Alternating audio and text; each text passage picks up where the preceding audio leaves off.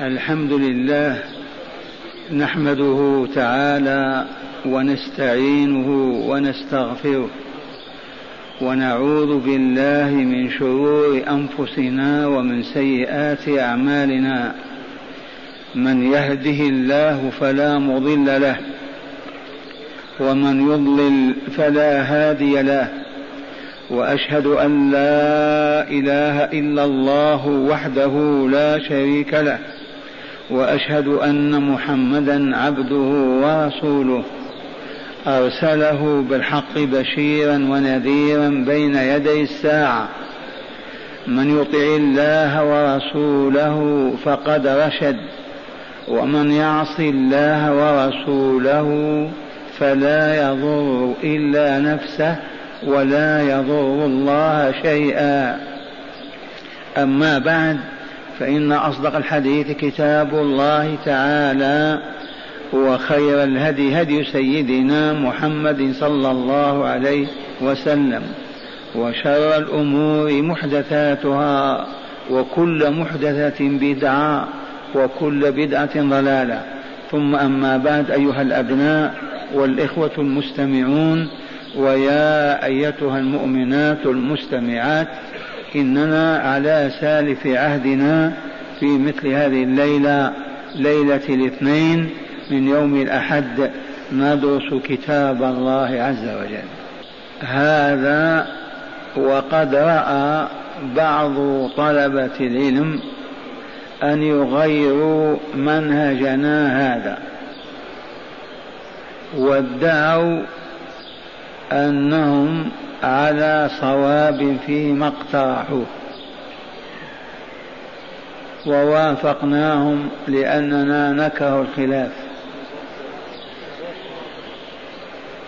قالوا نجعل السبت والأحد والاثنين والثلاثاء لتفسير كتاب الله عز وجل. أربع ليالي. والأربعاء لعقيدة المؤمن والخميس لصحيح الإمام البخاري والجمعة لهذا الحبيب صلى الله عليه وسلم. عرفتم؟ السلطان يقول ماذا بقي؟ إيه ما عندنا أيام إضافية زائدة ما هي إلا سبعة أيام؟ ما أنا بحر يا شيخنا. إذا القرعة لا تقل على لا كيف لي. أنا عبد الله خادمكم. ما دمتم قد اختلفتم القرعة هي الفاصل ولا لا؟ إذا سوف نقترع وتكون أنت معنا. على كل القرعة هي الفاصلة. فاستهم من يونس عليه السلام مع أهل السفينة فكان من المدحضين. فلنستهم إن شاء الله غدا في المنزل أنا أمثل السلطان أبو عبد العزيز وعدنان ويمثلون الآخرين ونقترع. إن خرجت القرعة لما أراد الطلاب بها ونعمت وإن خرجت عليهم فبها ونعمت مرتين. هل تذكرون ما جاء في الآية التي درسناها البارحة؟ اسمعوا نصها. وإذا طلقتم النساء فبلغن أجلهن فلا تعضلوهن أن ينكحن أزواجهن. هذه الآية ما درسناها. الآية التي درست البارحة بعد أعوذ بالله من الشيطان الرجيم وتأملوا واذكروا ما علمتم يقول تعالى جل جلاله وإذا طلقتم النساء فبلغن أجلهن فأمسكوهن بمعروف أو سرحوهن بمعروف ولا تمسكوهن ضرارا لتعتدوا ومن يفعل ذلك فقد ظلم نفسه. ولا تتخذوا آيات الله هزؤا. واذكروا نعمة الله عليكم وما أنزل عليكم من الكتاب والحكمة يعظكم به واتقوا الله واعلموا أن الله بكل شيء عليم. ماذا علمنا وإذا طلقتم النساء فبلغن أجلهن. هنا تذكرون أننا قلنا ما بلغنا الأجل ولكن قاربنا البلوغ بلوغ الأجل. لأنها إذا بلغت الأجل المحدود ثلاثة أقراء لا حق له أن يمسكها. انتهى أمرها. لكن هي في عدادها أو في عدتها أشرفت العدة أن تنتهي. هنا إما أن تمسكها يا عبد الله بمعنى تراجعها بمعروف لا أن تمسكها وتراجعها لتعذبها وتنكل بها وتنتقم منها أيضا. أو سرحوهن انتهت عدتك مع السلامة يا أختاه وتروح. ولا تمسكوهن لأجل الإضرار بهن لتعتدوا. كان أحدهم في الجاهلية يطلقها حتى إذا أوشكت العدة أنت يراجعها لينكل بها وينقص حياتها ثم يطلقها. وهي في عدة إذا أوشكت أن تنتهي العدة يراجعها. فأبطل الله هذا القانون الجاهلي. فأنزل هذه الآية فيصل في القضية. اسمع يقول الله جل جلاله مخاطب عباده المؤمنين والمؤمنات وإذا طلقتم النساء أيها الفحول فبلغن أجلهن أي أشرفن على نهاية العدة فأمسكوهن بمعروف. لا تمسكها لتنكل بها وتضايق وتؤذيها. وهي في عصمتك. أو سرحون بمعروف لا سب ولا شتم ولا أخذ حق من حقوقها ولا ولا. ولا تمسكوهن ضرارا لتعتدوا. إياكم أن تمسك المطلقة وتراجعها قبل أن تنتهي عدتها من أجل الإضرار بها. هذه أمة الله. لا يرضى سيدها ومولاها أن تؤذي أنت يا عبد الله. ومن يفعل ذلك فقد ظلم نفسه. أي تعرض لنقمة الله وعذابه. عرفنا أن الله لا يرضى أن يؤذى عبده وإلا لا ولا يرضى أن تؤذى أمته كذلك.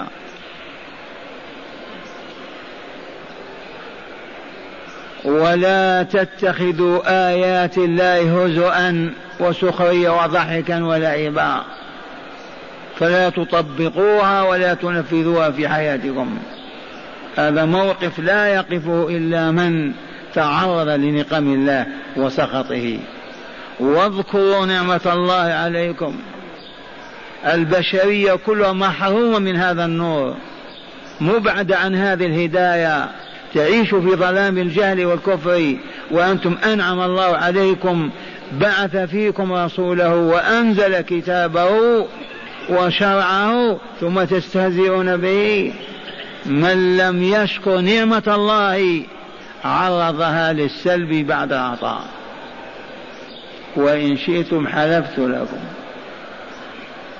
من لم يشكر نعمة الله انتظر زوالها. طال الزمان أو قصور وإذ تأذن ربكم لئن شكرتم لأزيدنكم يقول. ولئن كفرتم إن عذابي لشديد. يقول الحكماء نعوذ بالله من السلب بعد العطاء. بعد ما كنا في عز وطهر وصفاء نصبح أذلة مهانين مدبر مساقين كالأنام. ما سلط علينا أوروبا وما أنزل عليكم من الكتاب والحكمة. ما المراد بالحكمة مع الكتاب؟ السنة. لا تتردد. يعظكم آمرا وناهيا واتقوا الله قبل كل شيء واعلموا أن الله بكل شيء عليم. اتقوه التزموا. ما أمركم بالتزامه. أحلوا ما أحل وحرموا ما حرم أدوا ما أوجب واتركوا ما ترك. بهذا يتقى. لا يتقى بالسلاح ولا بالرجال. واعلموا زيادة على ذلك أن الله بكل شيء عليم. يا من يريد أن يحتال على هذه المؤمنة ويراجح لينكل بها ويضر بها لا تحسبن أنك وحدك. إن الله معك يراك ويعلم حالك ظاهرك وباطنك. هذه توجد المهابة في قلب المؤمنين والمؤمنات. ولهذا أهل الإيمان والتقوى هم أقرب الناس إلى الله عز وجل. هذه آية بالأمس ونعمل إن شاء الله بها. الآية الليلة اسمع الله تعالى يقول يخاطب من؟ المؤمنين والمؤمنات. لأن الكافرين والكافرات أموات. ما هم أهل لأن يخاطبوا لأنهم لا يفقهوا ولا يعملوا. هذا الخطاب لأهل الإيمان. وإذا طلقتم النساء فبلغن أجلهن. فبلغن أجلهن نهاية العدة فلا تعضلوهن أي تمنعوهن أن ينكحن أزواجهن إذا تراضوا بينهم بالمعروف. لهذه الآية قصة أو حادثة نزلت بسببها. يوجد رجل يقال له معقل ابن يسار. من أصحاب الحبيب صلى الله عليه وسلم. وله صهر يقال له أبو البداح. وزوجة معقل هي زوجة أبي البداح. فطلقها في المرة الأولى وراجعها. وطلقها في المرة الثانية وبانت منه ورغبت الزوجة في أن تعود إلى زوجها والزوج رغب في أن يعود إلى زوجته. أبو البداح راغب وهي أيضا رغبت فبلغ ذلك أخاها معقل ابن يسار فقال وجهي ووجهك حرام إن تزوجته كيف يهزأ بي ويسخر ويفعل هكذا؟ لن تعود إليه. انتبهتم؟ وجهي من وجهك حرام. إن تزوجته فنزلت هذه الآية فيصلا. الحمد لله. ربنا يسمع ويعلم ويرى. حادثة وقعت في ظلام هذه الدنيا بين رجل ومرأة. يعلم وهو فوق السماوات السبع فوق العرش فوق الملكوت كله كأنه معهم آمنا بالله. نزلت هذه الآية لتحل هذا المشكل وأمثاله مما قد يحدث في أمة الإسلام. فنزل قوله تعالى وإذا طلقتم النساء فبلغن أجلهن انتهت العدة. فلا تمنعوا العضل مسك بعضلته. ألا تتزوج. فلا تعضلوهن أن ينكحن أزواجهن إذا تراضوا بينهم بالمعروف. في الآية السابقة أراد أن يراجع لينكل بها وإلا لا؟ يترك حتى تكاد العدة تنتهي رجعناها ليبقى يسب ويشتم وينكل بها. هذه حرمها الله. هذه خلاف تلك. تزوج هذه المؤمنة وشاء الله أن طلقها. قبل ما تنتهي العدة راجعها. عاش معها زمنا ثم طلقها. وانتهت عدتها. فرغب أن يعود إليها ورغبت أن تعود إليه. إذا فأخوها معقل ابن يسار قال لن يكون هذا. ما نرضى بمثل هذا الشخص. يطلق مرتين ويرجع. فقال لأخته وجهي من وجهك حرام إن تزوجته فمن يفصل الآن؟ الله فنزل وإذا طلقتم النساء فبلغن أجلهن وانتهت العدة فلا تعضلوهن تمنعوهن أن ينكحن أزواجهن إذا تراضوا بينهم بالمعروف. إذا هي راضية وهو راضي وبالإحسان والمعروف لا بالحيل والمكر. الله أكبر. ماذا قال الحبيب صلى الله عليه وسلم لمعقل بن يسار؟ قال له إن كنت مؤمنا فلا تمنع أختك من أبي البداح فقال آمنت بالله وردها إلى أبي البداح عرفتم؟ قال الرسول صلى الله عليه وسلم لما نزلت الآية يا أبا البداح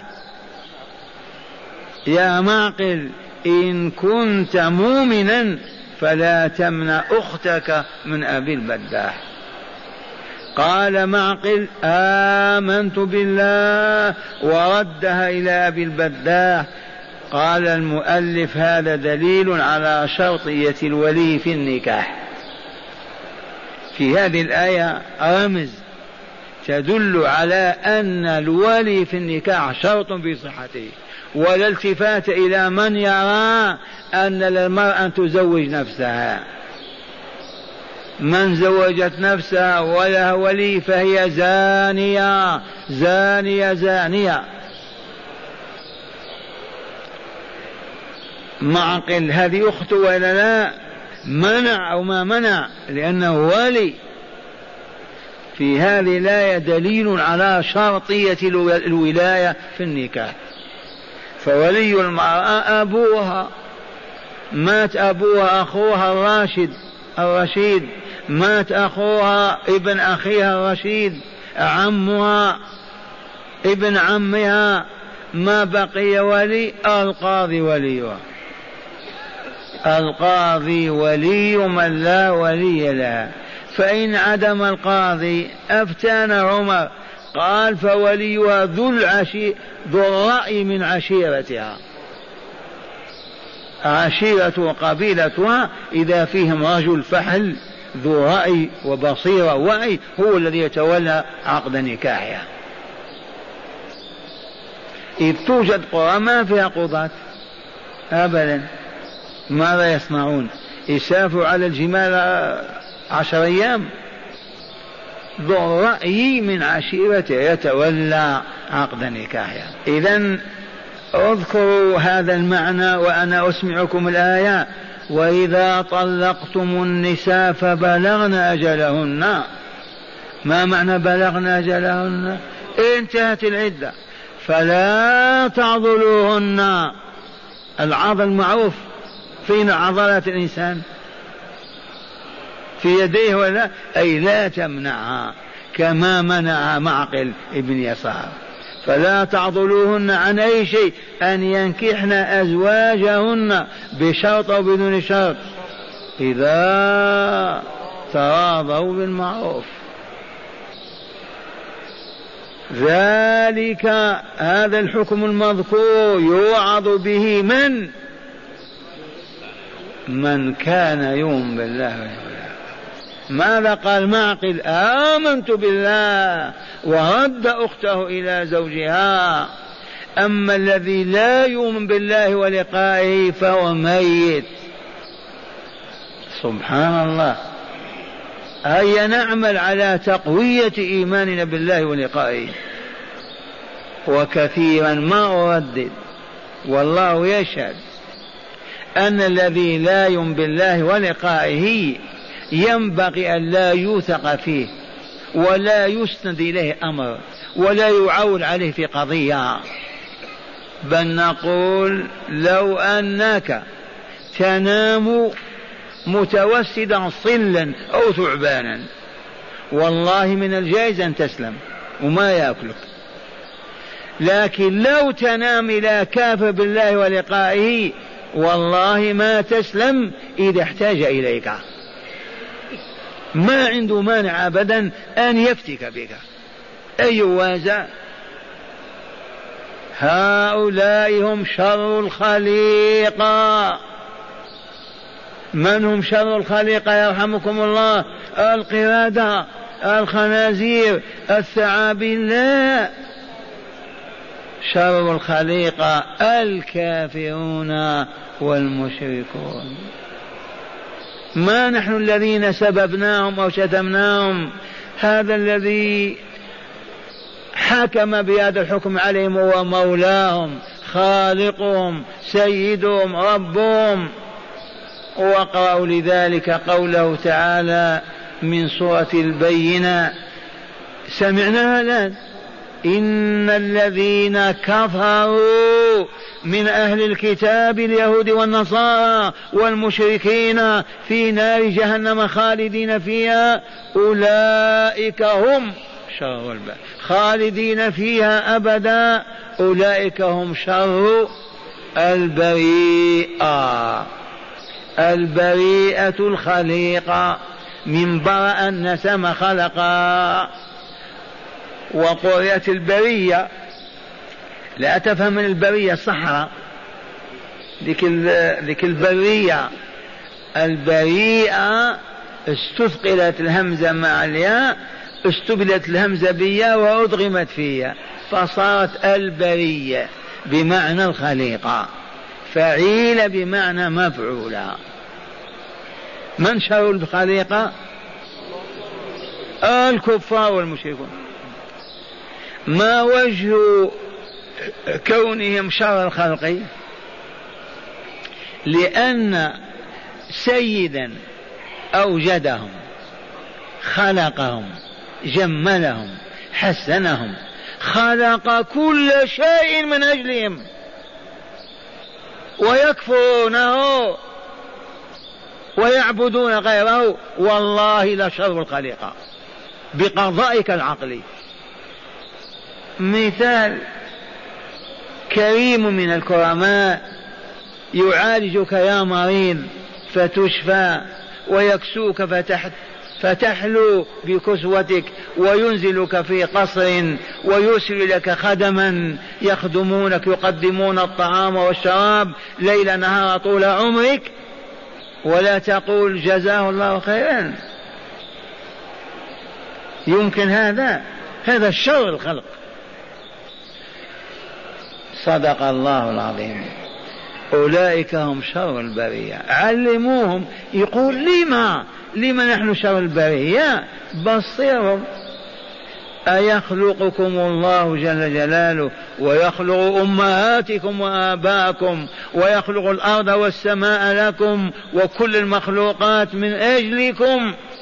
ثم لا تعترفون به وتعبدون أصناما وأوثانا أو فروجا وشهوات. أي عقول عندكم؟ قالوا مع الأسف ما عرفنا. لم ما تسألون؟ لم ما تسألون عنه وتعرفونه؟ ولهذا عذابهم أبدي لا ينتهي أبدا.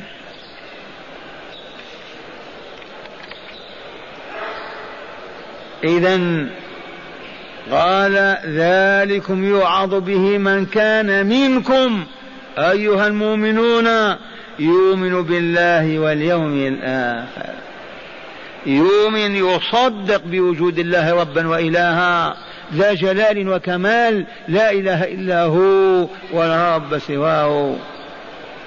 ويؤمن بلقائه باليوم الآخر من أيام الدنيا. سوف تنتهي ذلك هو اليوم الآخر. وننتقل إلى اليوم الخالد الأبدي. ذلكم أزكى لكم وأطهر. ذلكم أزكى لكم وأطهر.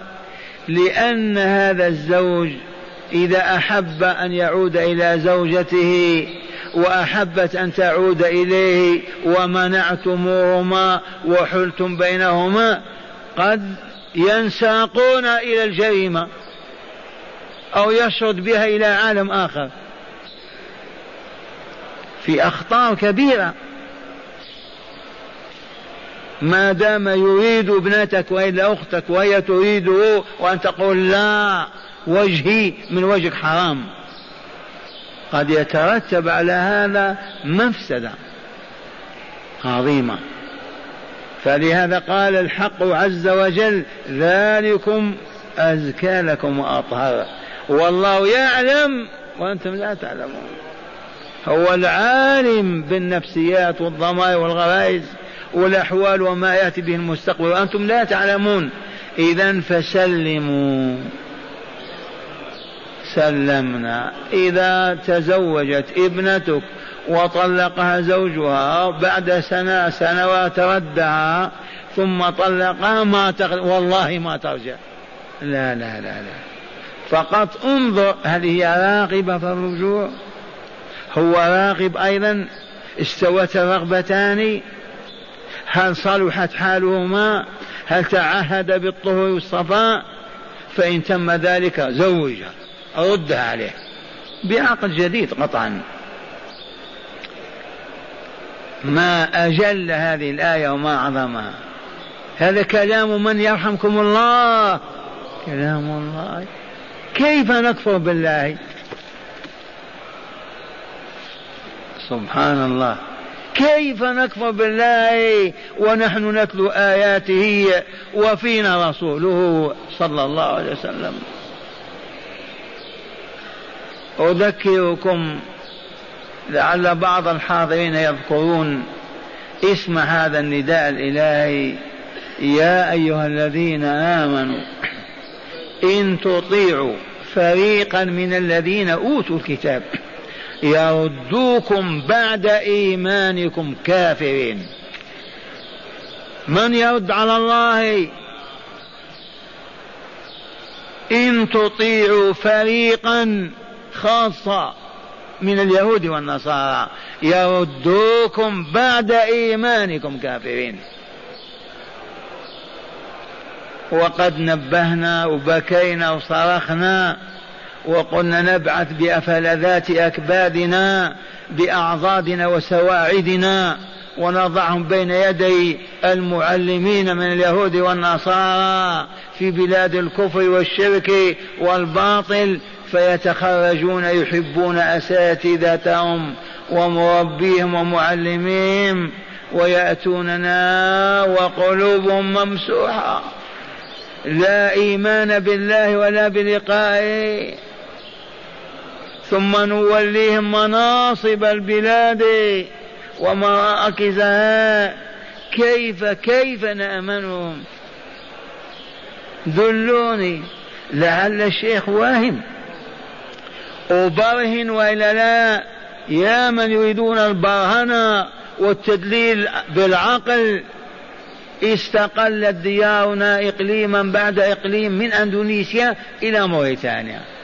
ما استطاع إقليم واحد وقد قامت فيه دولة البلاد الوطنية أن يفرض الصلاة فقط على الأمة. من يرد؟ أجيبوا. مع أن الصلاة هي عمود الدين.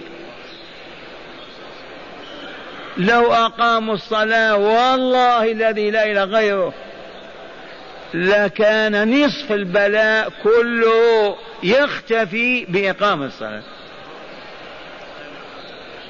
لما ما أقاموا الصلاة؟ هل طالبوا بالزكاة وفرضوا على مواطنيهم وجبوها برجالهم فعلوا. لا. إذا ما هم في حاجة إلى المال؟ نعم في حاجة ولكن الضرائب. لا تقولوا زكاة فتحيوا في قلوبهم الإيمان والإسلام. الضريبة هل وجد في بلد من تلك البلاد من أسند إليه أمر الأمر بالمعروف النهي عن المنكر يمشي في الشوارع. إذا رأى منكرا يغيره رأى معروفا ضاع يأمر به. والله ما كان. فقط البوليس الكرباج والصفارة يسمع هذا يسب الله ورسوله. ما يبالي. الآن فهمتم هذه البربرية. ما سر هذا؟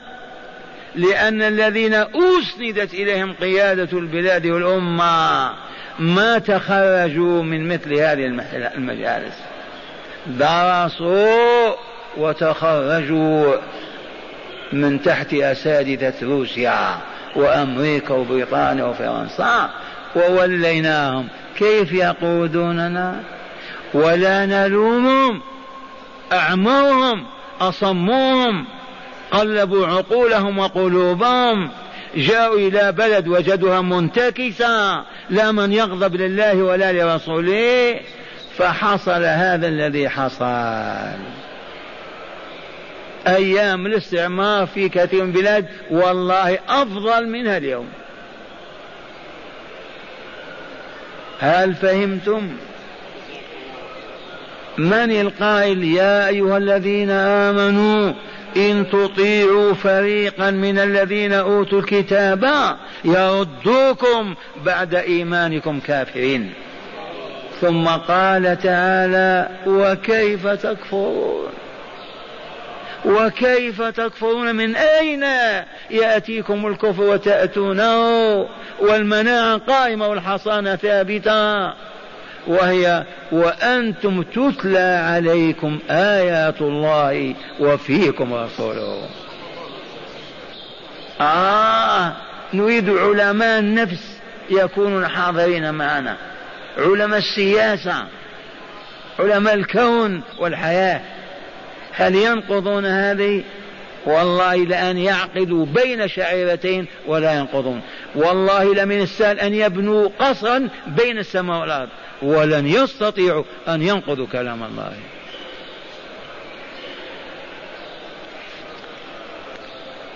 بيت القصيد أين؟ وأنتم تتلى عليكم آيات الله وفيكم رسوله. فلو كان المسلمون منذ أن كانوا ومن اليوم إلى غد يجتمعون بنسائهم ورجالهم وأطفالهم كل ليلة في بيوت ربهم. اجتماعا هذا يتلقون الكتاب والحكمة. والله ما يطرأ الذي طرأ ولا يحصل الذي حصل. لأن هذا الشاب ترعرع في أنوار الله ورسوله. لما بعثناه إلى بريطانيا يدرس وقد تجاوز العشرين أو الخمس وعشرين هو يهديهم. ما هم يضلونه هو يؤثر عليهم. وقلنا لهم إن أردتم أن تبتعثوا بعثا اختاروا الطلباء الصالحين لا الحشاشين ولا المدخنين. اختاروا الأذكياء الأبرار من آباء وأمهات طيبين صالحين وألزموهم بلباسهم الذي يلبسونه وابعثوا معهم إماما ومربيا. وأجروا لهم فندق خاص وإلا شقة يدرسون دراستهم ويعودون إلى مسجدهم وبيت ربهم يتلقون الكتاب والحكمة ويقيمون الصلاة. أمثال هل يؤثر فيهم؟ والله ما يستطيعون. هم الذين يؤثرون. أما نسلخهم نجعلهم كالبريطانيين. الحقوا وجوهكم احلقوها أعمل لك رفات أعمل كذا كونوا بريطاني وندمجه في أسرة بنساء العواه وأطفال وكذا ويرجع مسلما مستحيل إلا أن يشاء الله. الآن عرفتم سبب هبوط أمتكم ولا لا؟ ما الذي دعانا إلى هذا أننا مع الله يتكلم معنا؟ وإذا طلقتم النساء فبلغن أجلهن فلا تعضلوهن تعضلوهن أن ينكحن أزواجهن إذا تراضوا بينهم بالمعروف. ذلك يوعظ به من كان منكم يؤمن بالله واليوم الآخر.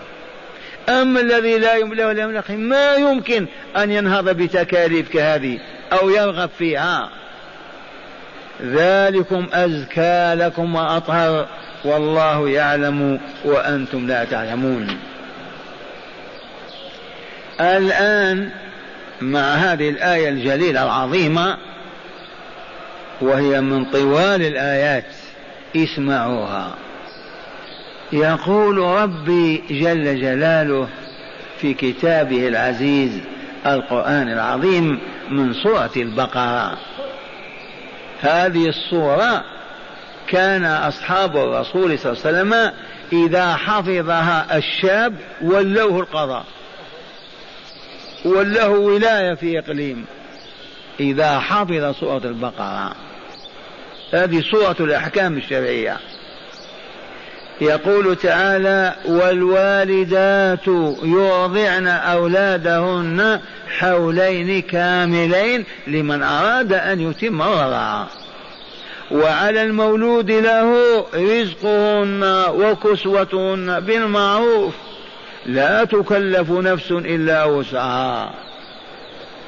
لا تضار والدة بولدها ولا مولود له بولده وعلى الوارث مثل ذلك. فإن أرادا فصالا عن تراض منهما وتشاور فلا جناح عليهما. وإن أردتم أن تسترضعوا أولادكم فلا جناح عليكم إذا سلمتم ما آتيتم بالمعروف. واتقوا الله واعلموا أن الله بما تعملون بصير. لا إله إلا الله. لا إله إلا الله. هذا القرآن يقرأ على الموتى. ها؟ أسألكم بالله. هذا القرآن يقرأ على الموتى. يتوبون. يستغفرون الله. ماذا يسمعون؟ مضت قرون والمسلمون لا يقرؤون القرآن هكذا أبدا ولا يجتمعون عليه إلا ليلة الموت فقط لسماعه. آه. هيا نبدأ. والوالدات جمع والدة وإلا لا؟ من هي المرأة؟ هي التي تلد.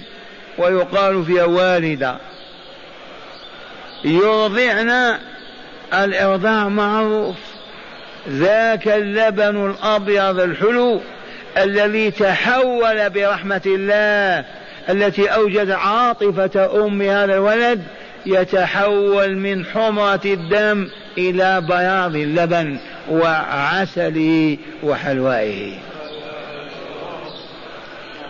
يوضعن أولادهن كم؟ حولين. ما الحول العام؟ من حال يحول إذا تبدل. اليوم شهر ماذا؟ جماد الآخرة. يحول الحول يرجع هذا اليوم في ذاته. هذا الحول. حولين كاملين. لا تقول عام وعشر أشهر أو سنة وإحدى عشر شهرا. لا حولين كاملين. هذا لمن؟ لمن أراد أن يتم الرضاعة فإذا أراد يكتفي بعام بعام ونصف شأنه. لمن أراد أن يتم الرضاعة إذا وعلى المولود نعم وعلى المولود له من هو المولود له هذا؟ الرجل. إذا هي ولدت له. ما ولدت لها؟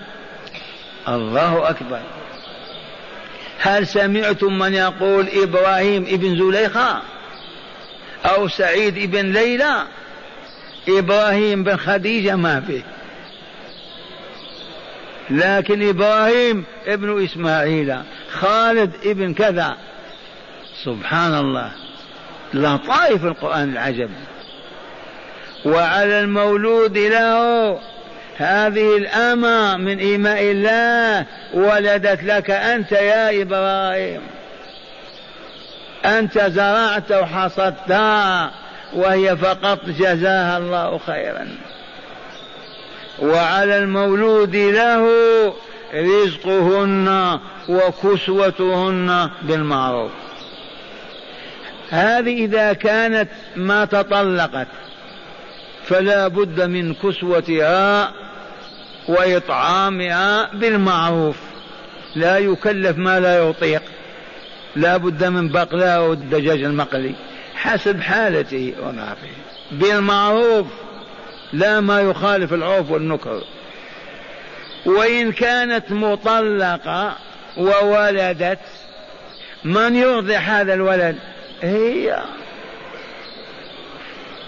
كم ترضعه إذا اتفقت مع زوجها حولين؟ بعد الحولين ما بقي شيء.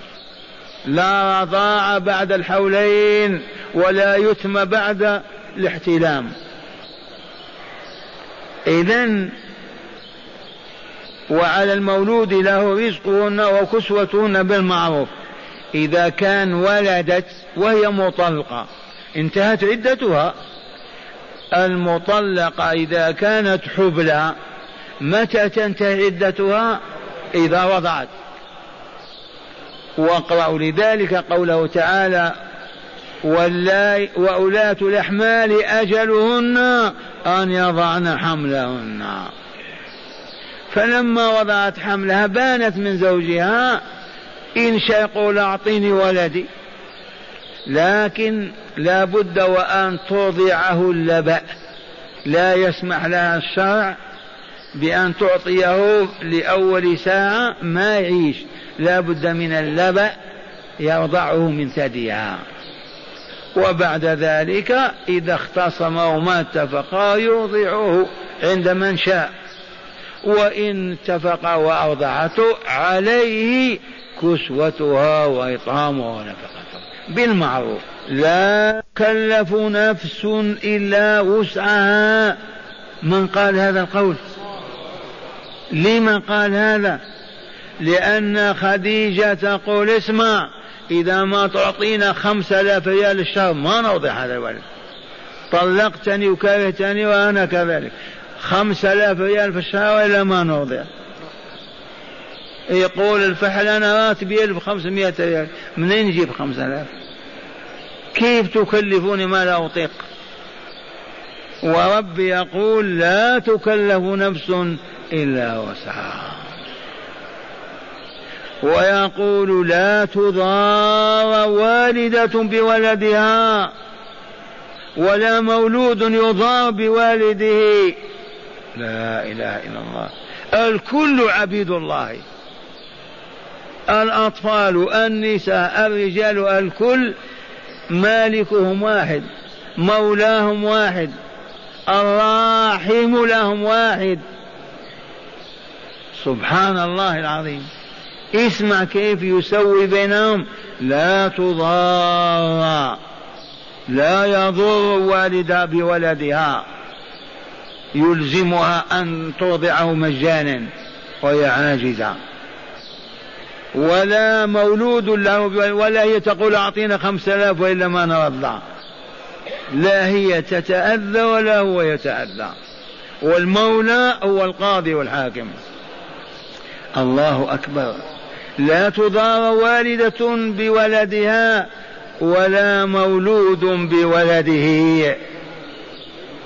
ولا مولود له ولا مولود له بولده. مولود له ولا لها عرفتم النكتة؟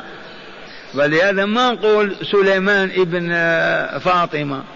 سليمان ابن داود. لأن هي ولدت له ما لها هي.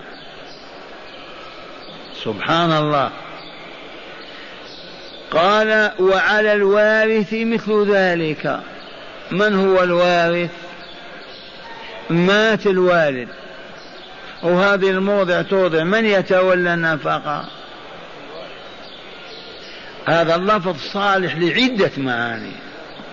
القرآن حمال الوجوه فمن فقه وعرف يجد رحمة الله متجلية. لا إله إلا الله.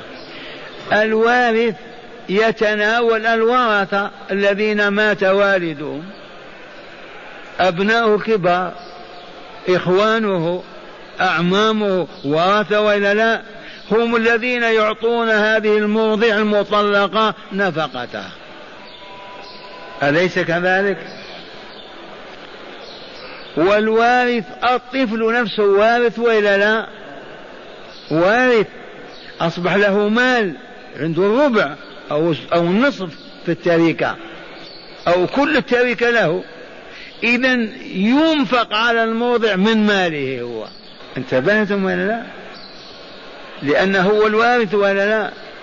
إذا حق هذه الموضع المسكينة الشهري ما دام توضع عامين أو عام ونصف يؤخذ من مال هذا الطفل الصغير لأنه وارث فإن لم يكن معه له مال ما له مال حينئذ ينفق على هذا الأقرباء الورثة لأصالتهم وإن لم يكن ترك الميت مالا.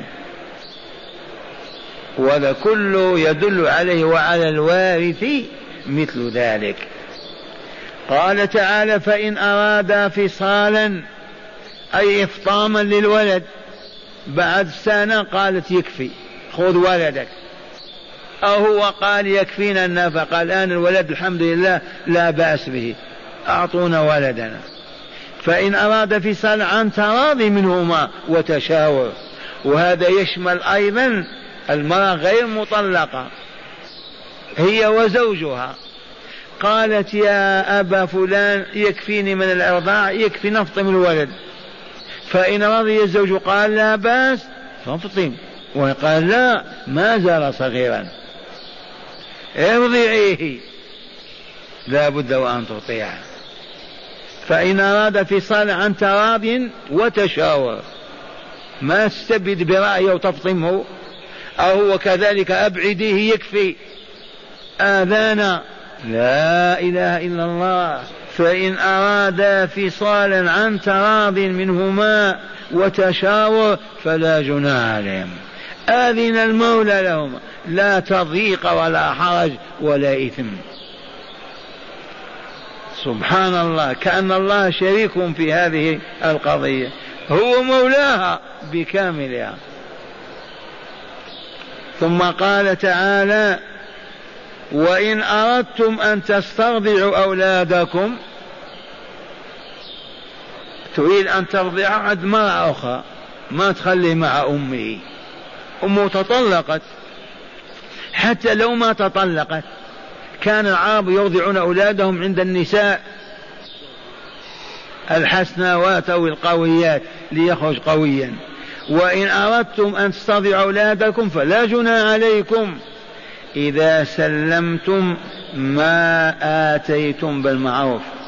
هم ما أتوا بعد ولكن ما عزمتم ووجب أن تسلموا. وإن أردتم أن تسترضعوا أولادكم عند نساء أخريات غير أمهات الأولاد فلا جنى عليكم لا إثم ولا حرج.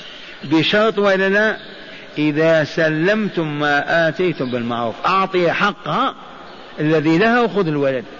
هي أرضعته من خمس أشهر ما أعطيت ولا ريال. والآن تقول أعطيني ولدي نديه إلى فلانة. أدي حقها أولا. سبحان الله. وإن كانت أمه هي لكن أرضعته بمقابل وإلا وهو ما طلعها وما أعطاها. ثم لما كثرت الأموال كانت ألف ريال أصبحت خمسة قال أعطينا ولدنا. وجدنا عمته ترضعه. يقول تعالى وإن أردتم أن تسترضعوا أولادكم فلا جنى عليكم بشرط ولا لا إذا سلمتم ما آتيتم بالمعروف. لا بالمماطلة ونعطيك غدا وسامحنا ما في. إذا سلمتم ما عزمتم أو ما وجب عليكم أداؤه للرضاع الماضي وبالمعروف. لأن بعض الصعاليك كما تعرفون يا كذا يا عميا يا كذا أعطنا ولدنا. لأنهم ما تربوا في حجور الصالحين. يقولون البذاء والباطل. فلهذا قال بالمعروف. لا بالمنكر وأخيرا يقول تعالى اسمعوا واتقوا الله. إياكم أن تخرجوا عن هذه التعاليم أو تعبثوا بها وتستهينوا بها. إيه يا رب قد تركها المسلمون من ما سمعوا بها ولا درسوا ولا اجتمعوا عليها. واعلموا أن الله بما تعملون بصير. معاشر المستمعين قد نعود إلى الآية إن شاء الله مرة أخرى لكن هل عرفتم وإلا لا؟ يسمع الشيخ يحلف والله الذي لا إله غيره لن نكمل ولن نسعد ولن نطيب ولا نطهر ولن نسود ولن نقود البشرية إلا إذا عدنا إلى كتاب الله وحكمة رسوله. أزيد أحلف ولا يكفي؟ اسمعوا. والطريق سهلة ميسرة بلغناها وصحنا وأنتم ما بلغتم. وخاصة طلبة العلم بل ينتقدون. أقول أي مانع من أن نغير وضعنا بفجأة؟ مفاجأة. يا أهل المسجد إمامكم يوم الجمعة في القرية أو الحي من الآن إن شاء الله إذا مالت الشمس إلى الغروب ناتي بأطفالنا ونسائنا إلى بيت ربنا ونجلس بعد الصلاة صلاة المغرب نتعلم الكتاب والحكمة. ونزكي أنفسنا ونهذب أرواحنا ونسمو بآدابنا. مصدر الآداب والسمو هو قال الله قال رسوله. اتفقنا؟ نعم. تأتي القرية أو الحي بعد أذان المغرب لا تجد أحدا. أين ذهب الناس في بيت ربهم؟ أسألكم بالله الذي يجلس في بيت مولاه مؤمنا موقنا يتلقى الكتاب والحكمة يفسق هذا أو يفجر يسيء إلى الناس أو يؤذيهم يبخل أو يظن بما عنده وهم في حاجة إليه والله ما كان. هل عرفتم اشتراكية ديمقراطية علمانية خبط هبوط طلوع؟ والله ما ترفعكم. إلا هذا الطريق السهل الميسر بلا صعوبة ولا كلفة. فقط نعلن لله أنا رجعنا إليك وتبنا إليك وها نحن بين يديك كل ليلة نبكيك ونبكي يا الله. عرفتم هذه وستذكرونها إن شاء الله.